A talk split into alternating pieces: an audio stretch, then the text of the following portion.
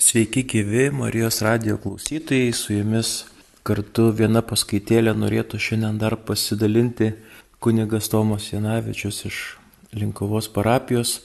Pranašas Elijas pradėjo savo tarnystę ir vykdė ją šiaurės Izraelio karalystėje, tai apie 9 amžių prieš Kristų. Tai buvo stabmeldystės kulminacijos laikai ir, ir pasiekta būtent pranašo Elijo laikais valdant Ahabui. Pastarasis buvo vedęs Gezabelę, Sidono karaliaus dukrą, išpažinusią ypatingai balo kultą, kuris tapo oficialiai Izraelio karalystės religija. Bėgo to gero gyvenimo periodas, ramybė relatyvi tarp karalystės ir kaimininių tautų vystosi geri tarpusavio santykiai, taikiai sugyvena įvairios etninės grupuotės, dvelkia atrodo nuoširdi tolerancija kaip ir religinė, tačiau visa tai palaipsniui tampa pavojinga, nes Izraelis atsiskyrė nuo centrinės Jeruzalės kulto ir leidusi būti įtraukamas į kitų tautų stabų garbinimą. Ir kaip sako antra karalių knyga, Ahabas padarė šventąjį stulpą, Ahabas padarė daugiau viešpačių Izraelio dievui supykinti negu bet kuris iš prieš tai buvusių Izraelio karalių. Turime nepamiršti, kad esame žemdirbių krašte, kur be bejonės labai paklusni yra draugystė su balu. Audrų, lietaus dievuku nešančio derlių žemė ir maistą gyvuliams Dievas Bal buvo didžiai viliojanti figūra, su juo Izraelis išgyvena didžiausią pagundą kaip apčiuopiamo ir suvokiamo Dievo, kas yra visiška priešingybė mūsų ir Izraelio tautos viešpačiai, kuris nematomas, transcendencinis, paslaptingas, niekada nenuspėjamas iki galo, kurio keliai ir mintis visiškai kitokie negu žmonių ir veiksmas vyksta pusiau dikumos vietovėse, kur išskirtinai yra svarbus ryšys su vandeniu. Anot kananiečių įsitikinimo, tai dievaitis Bal, kuris siunčia lietų, o tradicinėme Izraelio tikėjime viešpats, lietaus viešpats.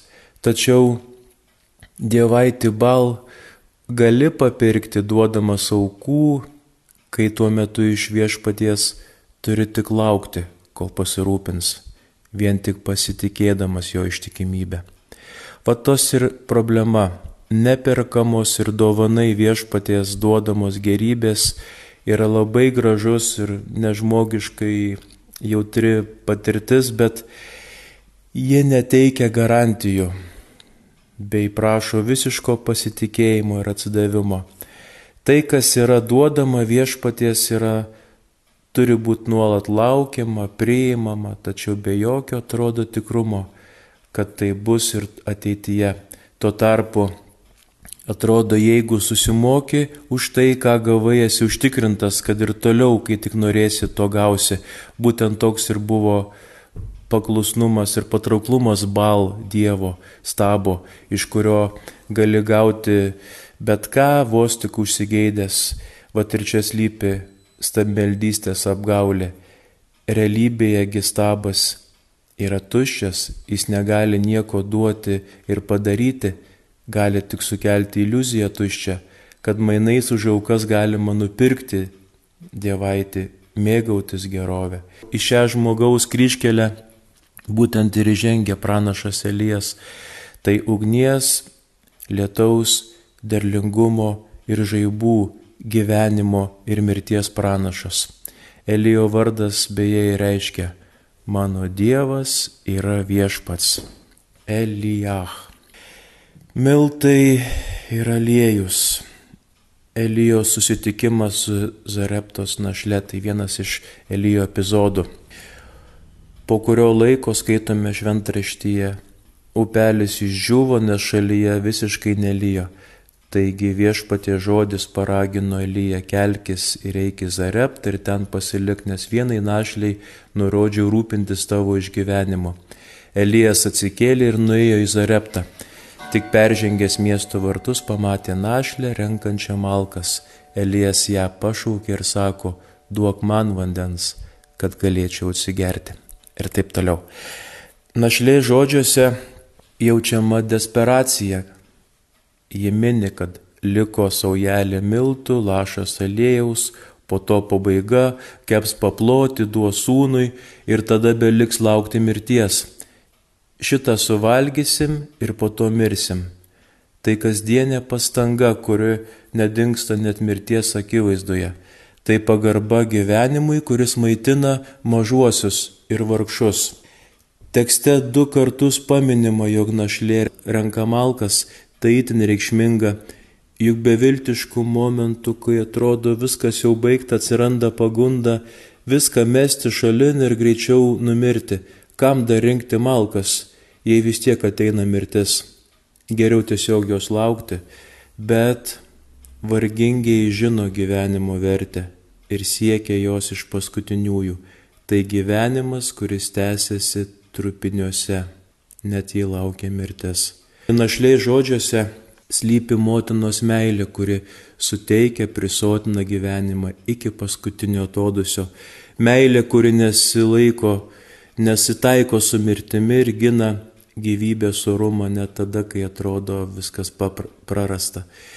Elijas prašo vandens ir duonos našlės, kuri pati per plauką nuo mirties, bet prašydamas duonos ir vandens dovanoja tikėjimą. Tokius pat mainus mes galim sugretinti ir su viešpačiumi Jėzumi Kristumi, kuriame įsipilda visas raštas.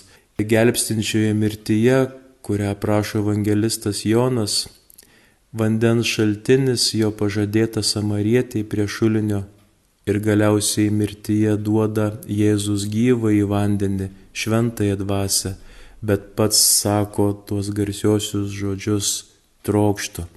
Dievas neįsako, o klausia, neverčia, o padeda atsiverti, nes žmogaus atsakui reikia tikėjimo, reikia laisvės troškimo, prieimimo, nesuvaržymo, meilės. Trokštų Jėzus prašo tam, kad mes atvertumėm savo širdis. Trokštų, sako Jėzus, kad ir mes nebijotumėm numirti duodami gyvenimą. Kažkas panašaus relijo šauksme pasitikėti, mirties akivaizdoje atiduoti paskutinį kasnį. Našliai lieka pasitikėjimas arba mirtis. Elijas to ir prašo pasitikėjimo, kuris atrodo turėtų būti didesnis už meilę sūnui. Pranašas kviečia atsisakyti to, ką turi ir atiduoti jam, užuot atidavus sūnui. Bet tai nėra grėsmė gyvybei, tai tikėjimo aktas. Mirtis našlės laukia jau seniai, tačiau čia kyla viltis, nors ir be garantijų. Moteris turi nuspręsti, ar pasitikėti pranašo žodžiu, o tai reiškia tikėti, kad tai, ką Elijas pažada įsipildys, tai sunkus sprendimas ypač našliai, kuri net nėra izraelietė, bet moteris randa jėgų priimti pasiūlymą toje mirties akivaizdoje. Dievas laikysi savo pažado. Miltų ir aliejaus bus tol, kol žemėn grįž lietus Viešpats yra tas, kuris duoda gyvybę, dabar miltais, vėliau lietumi. Dievo artumas atsiskleidžia kasdienybėje. Tai, kas vyksta našliais namuose, yra stebuklas, bet pasvertas lašas po lašo, sauja po saujos. Nėra upės aliejaus ir kalno miltų. Tai yra indas su trupučiu aliejaus ir podynė su šiek tiek miltų gali pasirodyti mažai, bet jų užtenka gyvenimui ir niekad jie nesibaigia. Podynė ir asotis neištuštėja, bet gerybių juose visada mažai. Diena po dienos prašosi nuolatinio pasitikėjimo, taip kaip ir su mana dykumoje, kurios teko laukti kasdien izraelitams iš naujo, taip kaip ir mes sakome maldoje kasdienės duonos duok mums šiandien. Stebuklingasis Dievo veikimas nepasireiškia vienkartiniu grandioziniu stebuklu, po kurio viskas būtų aišku, baigta. Dievo meilė tai nulatinis jo buvimas šalia. Buvimas, kuriuo turi tikėti diena po dienos, vis ieškodamas tarpusavio ryšio, visiškai atsiduodamas. Dievas, kuris apsireiškia kaip tėvas, duodamas visko nors kasdien, kad ir mažai bet neišsenkiamai, kaip neišsenkantis yra vargingųjų kantrumas ir kaip neišsenkantis yra jų tikėjimas, kuris reikalingas tam, kad troškimas gyventi lydėtų ir varge. Vargas išlieka, aliejaus ir miltų tėra tiek, kad užtektų išgyventi, bet tampa gyvybės namais, kurios teikia mylinti gyvenimo davėjo esates.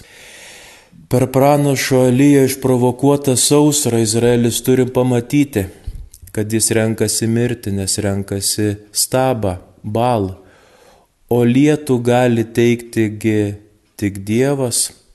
Izraelis patiria mirties tvaiką, o tai priklauso nuo tautos neteisingo pasirinkimo.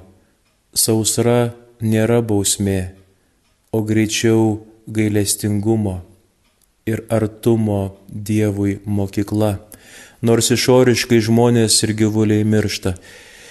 Dievas, kai ateina į žmogaus gyvenimą, ateina pasiūlyti gyvenimą, patiriant ir šiek tiek mirties, kad gyvenimo ieškotų pas tikrąjį gyvenimo davėją. Taip veikia visi pranašai, rodydami, jog būtina atsiversti Elijas ant Karmelio kalno klausė tautos, apsispręskite, kam mėtotės, arba Dievas yra, arba stabas jūsų. Gyvenimo norite iš Dievo, tai ir sekite juo. Negalite turėti ir Dievo ir bal kartu, nes šalia Dievo turėti kitą dievaitį, lygų neikti Dievą. Dievas yra absoliutus ir jei šalia dar telpa kitas dievaitis, Vadinasi, jis ne vienintelis, neturėsi kitų dievų, skelbia mūsų įsakymas iš dešimties vienas.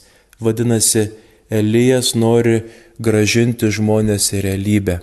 Pas vienintelį Dievą jokių Dievas yra Dievas, bet jei ką mes turėkim ant atsargos balą.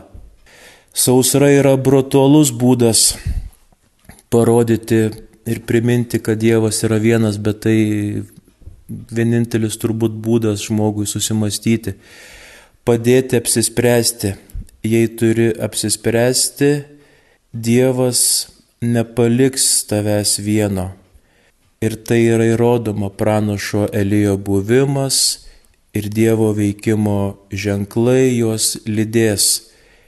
Ir po to galų gale matyti tą nematomą besirūpinantį Dievą. Ugnis ir parodys, kad Dievas yra ir kuris Dievas visgi yra tas vienintelis ir tikras. Dvi gyvulių aukos ir kurio auka užsidegs, tas ir bus Dievas tikrasis. Ir žmonės nuspręs, kam tarnauti, tam, kurio auka užsidegs.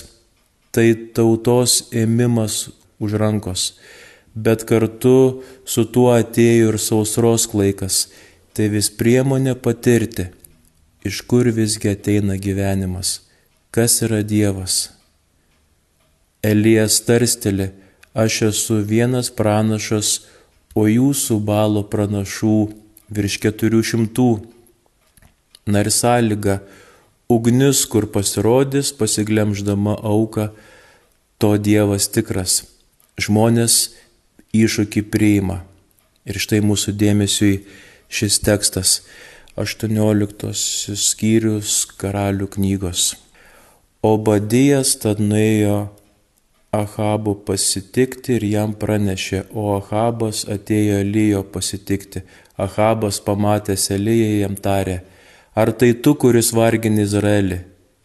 Ne aš varginau, atkirto Elijas, bet varginai tu ir tavo tėvo namai, nes atmetėte viešpaties įsakymus ir ėjote paskui balą.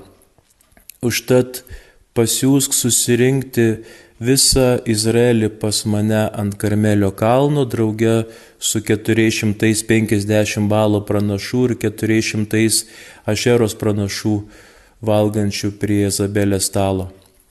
Ahabas tad išsiuntė žmonės pašaukti visus izraeliečius ir surinko pranašus ant Karmelio kalną.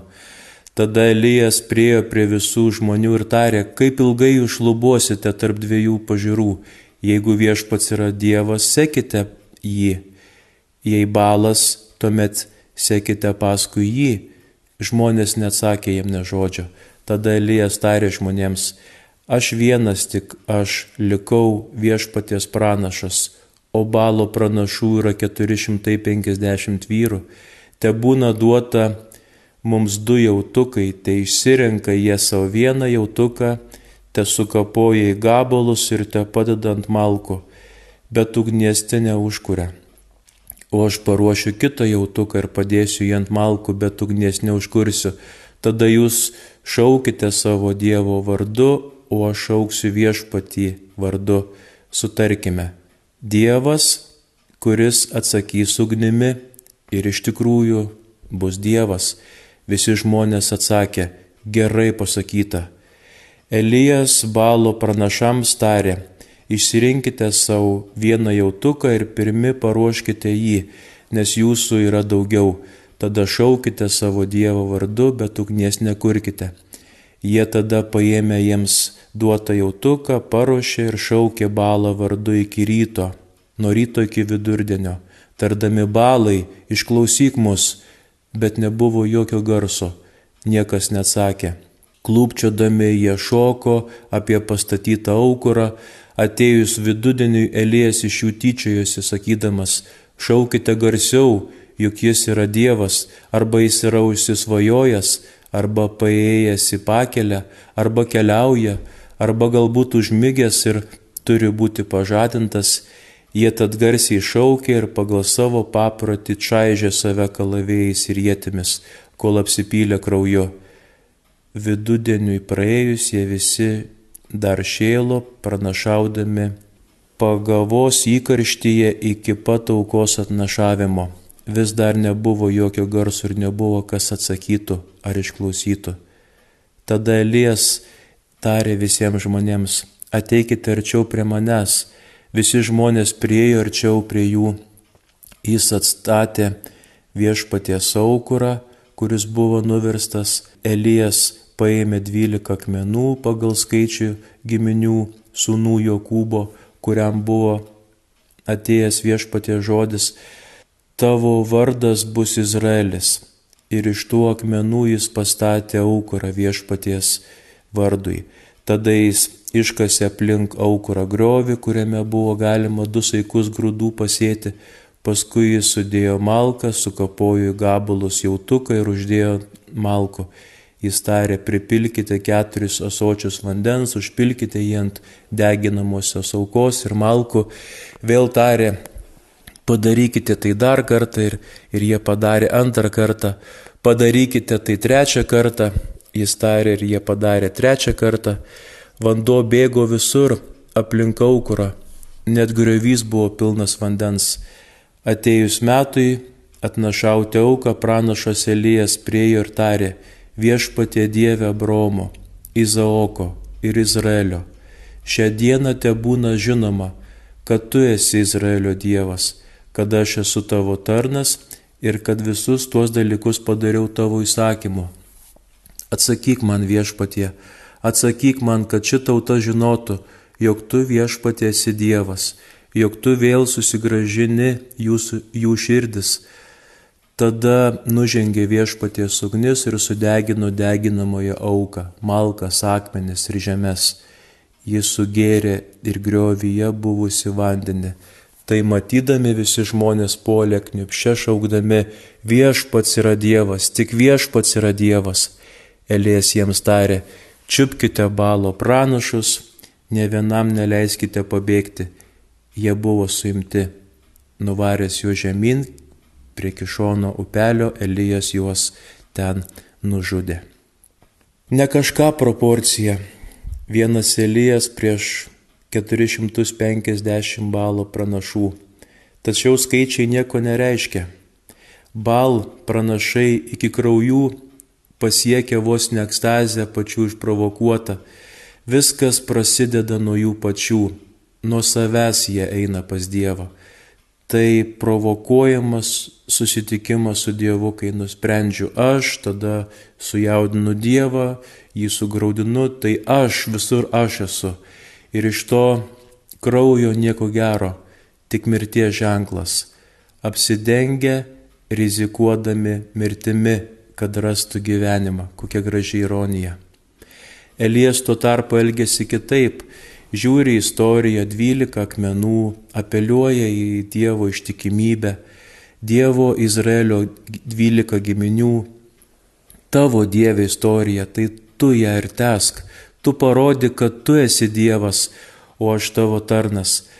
Atversk savo žmonės, tik tavo rankose jie, niekino kraujas o tik tu pats Dievas, tik tu pats gali save judinti, pranašai reikia, šaukia, tuo tarpu Elijas ramiai šneka, plus atskleidžia blogį, tai yra demaskuoja dievaičio netikrumą, sako gal miega ir meldžiasi, viskas paremta malda yra. Tiesa apie žmogų ir apie Dievą. Dievas ir siunčia ugnį, kuria preiškia, kas yra kas tegul žino apie tave. Pamiršo žmonės, kad jie yra Izraelis, išrinktoji ir mylimoji tauta ir išvesta iš Egipto. Pamiršo, kurį Dievas vedė kaip višta savo viščiukus, priminė, kieno Dievas jis yra - Izraelio. Tapk iš naujo Izraeliu šaukia tautą. Ir po to stebuklo, kai auka užsidegė, tauta atsitokėjusi prabilo, taip, Dievas yra viešpats, grinai tik mūsų Dievas. Gyvenimas laimi prieš mirtį, pradėjo lyti. Ir Izraelis suprato, tiksliau prisiminė, iš kur gyvenimas. Tai turėjo būti akivaizdu, bet prireikė sausros. Tarnauti bal lygų mirčiai. Nėra gyvenimo ten, kur kažkas atsistoja šalia Dievo. Šiuo atveju bal, dievaitis tik Dieve gyvenimas. Netikri pranašai turėjo mirti, nes savo pranašystėmis tempė žmonės į mirtį. Dievas nesugyvena su blogiu. Kur Dievas pasirodo, ten nuodėmė ir melas turi dingti. Štai kur tų žodinių prasme, jos juk ne dėl žiaurumo ar dramatizmo. Melas turi dingti. Lieka Dievas kaip nugalėtojas. Bet tikra pergalė bus tada, kai galų galiai Izraelis atitiks savo pavadinimo kilmę. Dievas laimi. Ne pranašų mirtis čia svarbiausia, o Izraelio atsivertimas. Elijas viso to ir buvo tarnas. Dievas laimėjo. Atrodo bent šį kartą, kad tik lytų, kad tik lytų. Ir štai baigėsi sausra. Elijas tarė Achabui, pakilk valgyk ir gerk, nes atūžęs markus lietus. Ahabas tad nuėjo pavalgyti ir atsigerti. Tuo tarpu Elijas užkopęs į Karmelio kalno viršūnę atsisėdo ant žemės ir priglaudė savo veidą prie kelių. Savo tarnu jis palėpė, pakopk ir pasižvalgyk jūros link.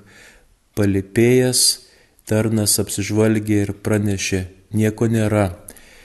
Ir taip septynis kartus Elijas liepė vėl nueik, vėl nueik. Septintą kartą tarnas pranešė, štai mažas debesėlis, nedidesnis už žmogaus ranką kyla nuo jūros. Tada Elijas tarė, eik ir sakyk Ahabui, kinkyk savo vežimą ir leiskis, kad lietus tavęs neužkluptų. Po valandėlės dangus apsiniaukė juodais debesimis, paputė vėjas ir pradėjo smarkiai lyti. Taigi, dangų valdo tai Dievas. Šiam kartu įsiaiškinam. Nebal yra lietaus ir viso ko viešpats, išlieka kita problema, kas visgi vadovauja istorijai. Ant Karmelio kalno matėsi, kas kontroliuoja dangų, o kas kontroliuoja žmonių istoriją. 19 skyriui skaitome, kad Ahab viską sužinojo ir įdomu, kuo dabar baigsis Elijui po viso to renginio ir įvykio ir po žudinių. Imk mano gyvenimą, sako Elijas. Viskas, pavargau, atsibodo ir užmigo.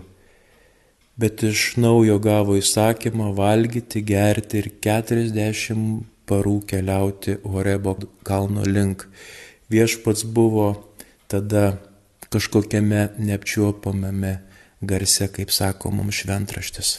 Kai Ahabas papasakojo Jezabeliai visą, ką Elijas buvo padaręs ir kaip jis buvo išžudęs visus jos pranašus kalaviju, Jezabelė nusintė pasiuntinį paselyje tardama, tai man te padaro dievai ir dar te prideda, jeigu šiuo laiku rytoj nepadarysiu su savo su tavo gyvastimi, kai buvo padaryta su kiekvienu iš jų gyvastimi. Išsigandęs gelbėdama savo gyvybę, Elijas tučto jau pabėgo, siekęs judo Beršebą, jis paliko ten savo tarno, pats keliavo vienas į dykumą. Priejas kadagį jis po juo atsisėdo ir šaukėsi mirties. Gana jis šaukė, nu viešpatie, imk mano gyvasti, nes aš nesu geresnis už savo protėvius. Elijas ten atsigulė po kadagį užmygo. Staiga jį palėtė angelas ir tarė, kelkis ir valgyk. Jis apsižvalgė, žiūri prie galvos žaizdre keptas paplotis ir asotis vandens. Viešpaties angelas atėjo antrą kartą ir palietęs jį tarė, kelkis ir valgy, kitaip kelionė tau bus per sunki. Atsikėlęs pavalgė ir atsigėrė, Tuo maistu pasistiprinęs jis ėjo 40 dienų ir 40 naktų iki pat Dievo kalno Horebo. Ten įlindęs į olą, joje praleido naktį. Tada viešpatie žodis atėjo jam tardamas, ką čia veikia Elijau. Jis atsakė, aš degu uolumu viešpačiui galybių Dievui, nes izraeliečiai atmetė tavo sandarą, nuvertė tave ir tavo aukurus išžudė tavo pranašus kalaviju, aš tik vienas likau ir jie nori man gyvastį atimti. Išeik laukan jis pašaukė ir stovėk ant kalno prieš viešpatį, nes viešpats praeis. Pūtė didelis vėjas ir jis buvo toks stiprus, kad skaldė kalnus ir trupino į gabalus uolas prieš viešpatį, bet viešpaties nebuvo vėjyje. Po vėjo žemės drebėjimas bet viešpaties nebuvo žemės drebėjime. Po žemės drebėjimo ugnis, bet viešpaties nebuvo ugnyje, o po ugnies švelnios tylos balsas, kur ir nujaučiam, kad iš tikrųjų Dievo ir būta. Tai visgi kas valdo istoriją? Ar karaliai ir karalienės, ar Dievas? Elijas turi mirti pagal Gezabelės valią, o už išžudytus bal pranašus atrodo tada istorija valdo galingieji. Bet tekstas sako, kad ne. Dievas sako, kad ir gyvenimas žmogaus yra jo, tai yra Dievo rankose. Elijas bėga, bet tas bėgimas atskleidžia, kad jis yra vienišas, niekas jam negali atrodo padėti Bėgti gali, bet, bet bėgti pas ką? Ir Elijas randa galų gale prieglaudą dykumoje, kuri iš esmės yra visiško vienišumo viršūnė. Ir čia gan skausminga vienatvė, vos ne kaip Dievo apleidimas. Degu viešpačiu, bet kartu sako, Dieve, tu mane palikai, Dievas tampa nebematomas Elijas turi nueiti ypatingą kelionę pamatyti Dievą kaip nematomą. Jis dingęs, Elijas turės išmokti matyti jį tokį. Tai tikra skausminga krizė, net prašosi mirties. Imk mano gyvenimą, nes aš nesu geresnis už protėvius. Niekas to nepajėgs tavęs Dieve rasti pasislėpusio. Kai esi apleistas, pavargęs, tadagi visada atrodo, atrodo dangus griūna. Dieve pasimk mano gyvenimą, troškimas mirti tai daugiau. Bėgdamas į gyvenimą, į dykumą visgi atrodo, kad Elijas nenori mirti, jis bėga, jis stengiasi. Imk mano gyvenimą, tai silpnumo akimirka, nebegalėjimas daugiau kentėti užmiega. Tai pabėgimas nuo realybės, mini mirtis. Miegodamas žmogus nukrenta į nulį, bet tada atitrūksta, bent tada atitrūksta nuo realybės. Krisdamas į miegą tu nieko nebekontroliuoji ir nieko nebepadarai. Atrodo, karalienė Gezabelė sugeba išmušti iš vėžių pranašą. Pranašas dinksta, miega, nebekalba, nebeveikia. Snaudimas bent trumpam visiems panaikina problemas. Miegu reiškia nieko nenoriu girdėti. Miegantis Elijas pranašas panašus į pranašą Joną, kuris per audrą laivo dugne taip pat slepiasi ir miega. Čia pranašas Jona irgi nenori būti pranašu, dinkstu į laivo dugną, nors Jona tos audros ir yra priežastis. Su Eliju analogiškai, tik Elijas nebėgo nuo Dievo, jis pavargo nuo savo misijos svorio kovojant prieš stabus. Taigi bal atrodo laimi ir štai Dievas tuo tarpu įsikiša angelas žadina, valgydina, girdo, paplotėlis ir vandens asotis žadina Dievo žodis ir palėpimas, nes mes ne patys dažnai išeinam iš to ant savo nulio, iš savo mirties. Prisikelti nėra paprasta, tai paklusnumo Dievui aktas, kelkis, stiprinkis, tai meilės ir švelnumo ženklas, mažo ženklas tuo metu, kai Elijas norėjo mirti, nebenorėjo būti, miegojo. Buvo kažkas visgi tuo tarpu, kad Elijų rūpinosi jo gyvenimu ir su meilė kepė paplotėlį, beje atnešė vandens. Vadinasi, Elijas ne vienišas, kažkas galvojo apie jį, kai jis jau nesitikėjo nieko. Ir tai radikaliai pakeičia Elijo situaciją. Elijo kelionė ilga. Jis bėga nuo karalienės dykumoje ir dabar bėgimą pakeičia į piligrimystę. Jis keliaus 40 parų kaip ir Izraelis keliavo per dykumą, klajojo 40 metų. Gyvenimo piligrimas, besiruošinti susitikti su Dievu, jis matys nematomą.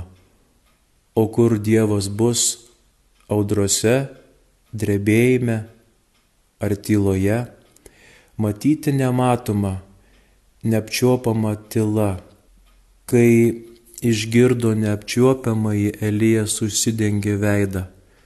Gražus tas lėpimasis nuo matymo per daug. Girdėjo tai, ko negalima girdėti. Užsidengė, kad nepamatytų to, ko neturi pamatyti. Nesvietiška pagarba Nuo tada Elijo situacija vėl keičiasi, bus nauja misija.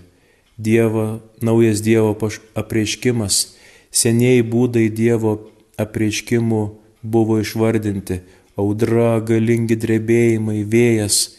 Tuo tarpu Dievas visada naujas, jau neuždarysi schemose. Tuo momentu, kai tau atrodo, kad tu jau jį supratai, pagavai, jis pabėga Jei tau atrodo, kad Dievas greuna uolas, ten nebe Dievas, jis visada naujas. Tu niekada nežinosi, kaip ir kuo jisai veiks. Tu numanai, tu išgirsti tai, kas galbūt buvo, o tai pasirodo tyla, girdi tylos garsą. Čia kaip kažkada filme girdėta protinga mislė. Ištarsi jos vardą ir jos nebeliks. Tai tyla. Dievo pasirodymus pagauti reikia išvalgio širdies, neužsisenėjusiuose Dievo įvaizdžiuose, atpažinti tą garsą ir tą ženklą ir likti atviram naujovėms Dievo, kuris yra visada naujas ir laisvas Dievas, jis palieka ir žmogų laisvą. Dievas apsireiškia labiau negazdinančiais dalykais, o švelniai ir palieka žmogų laisvą sąmoningą atsiliepti, išgirsti. Naujas Dievo patyrimas ir nauja misija Elyjui, jo vienatvė štai čia ir baigėsi, Elijas paskui pašauks vietoj savęs Eliziejų. Elijo baimės baigėsi iki tol, kol Elijas irgi taps nebematomas, po Elizėjaus pašaukimo pakils į dangų ugnies vežimu. Elijas sugebėjo matyti nematomą ir nebematomu pats taps, įėjo į Dievo slėpinius. Tai gražus biblinių žmonių gyvenimas ir istorijos. Žmonių, kurie susitinka Dievą vienaip ar kitaip. Mozė irgi matė Dievą, veidas į veidą, kaip sako šventraštis bet paties Mozės kapas taip ir liko neaišku kur. Paslaptimi baigėsi gyvenimai tų, kurie buvo arti. Tarsi, kad negalėtum paklausti, kaip ten buvo, na kaip jis tas Dievas atrodo, ar koks jis tas jo garsas apsireiškimo. Ne.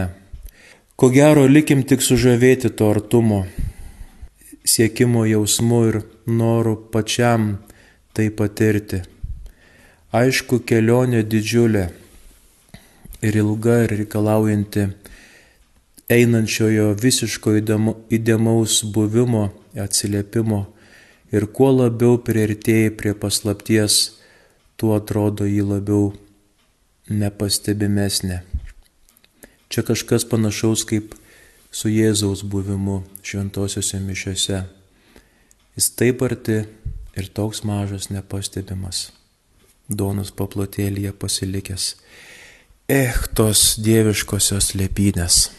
Kunigas Tomas Janavičius iš Linkovos parapijos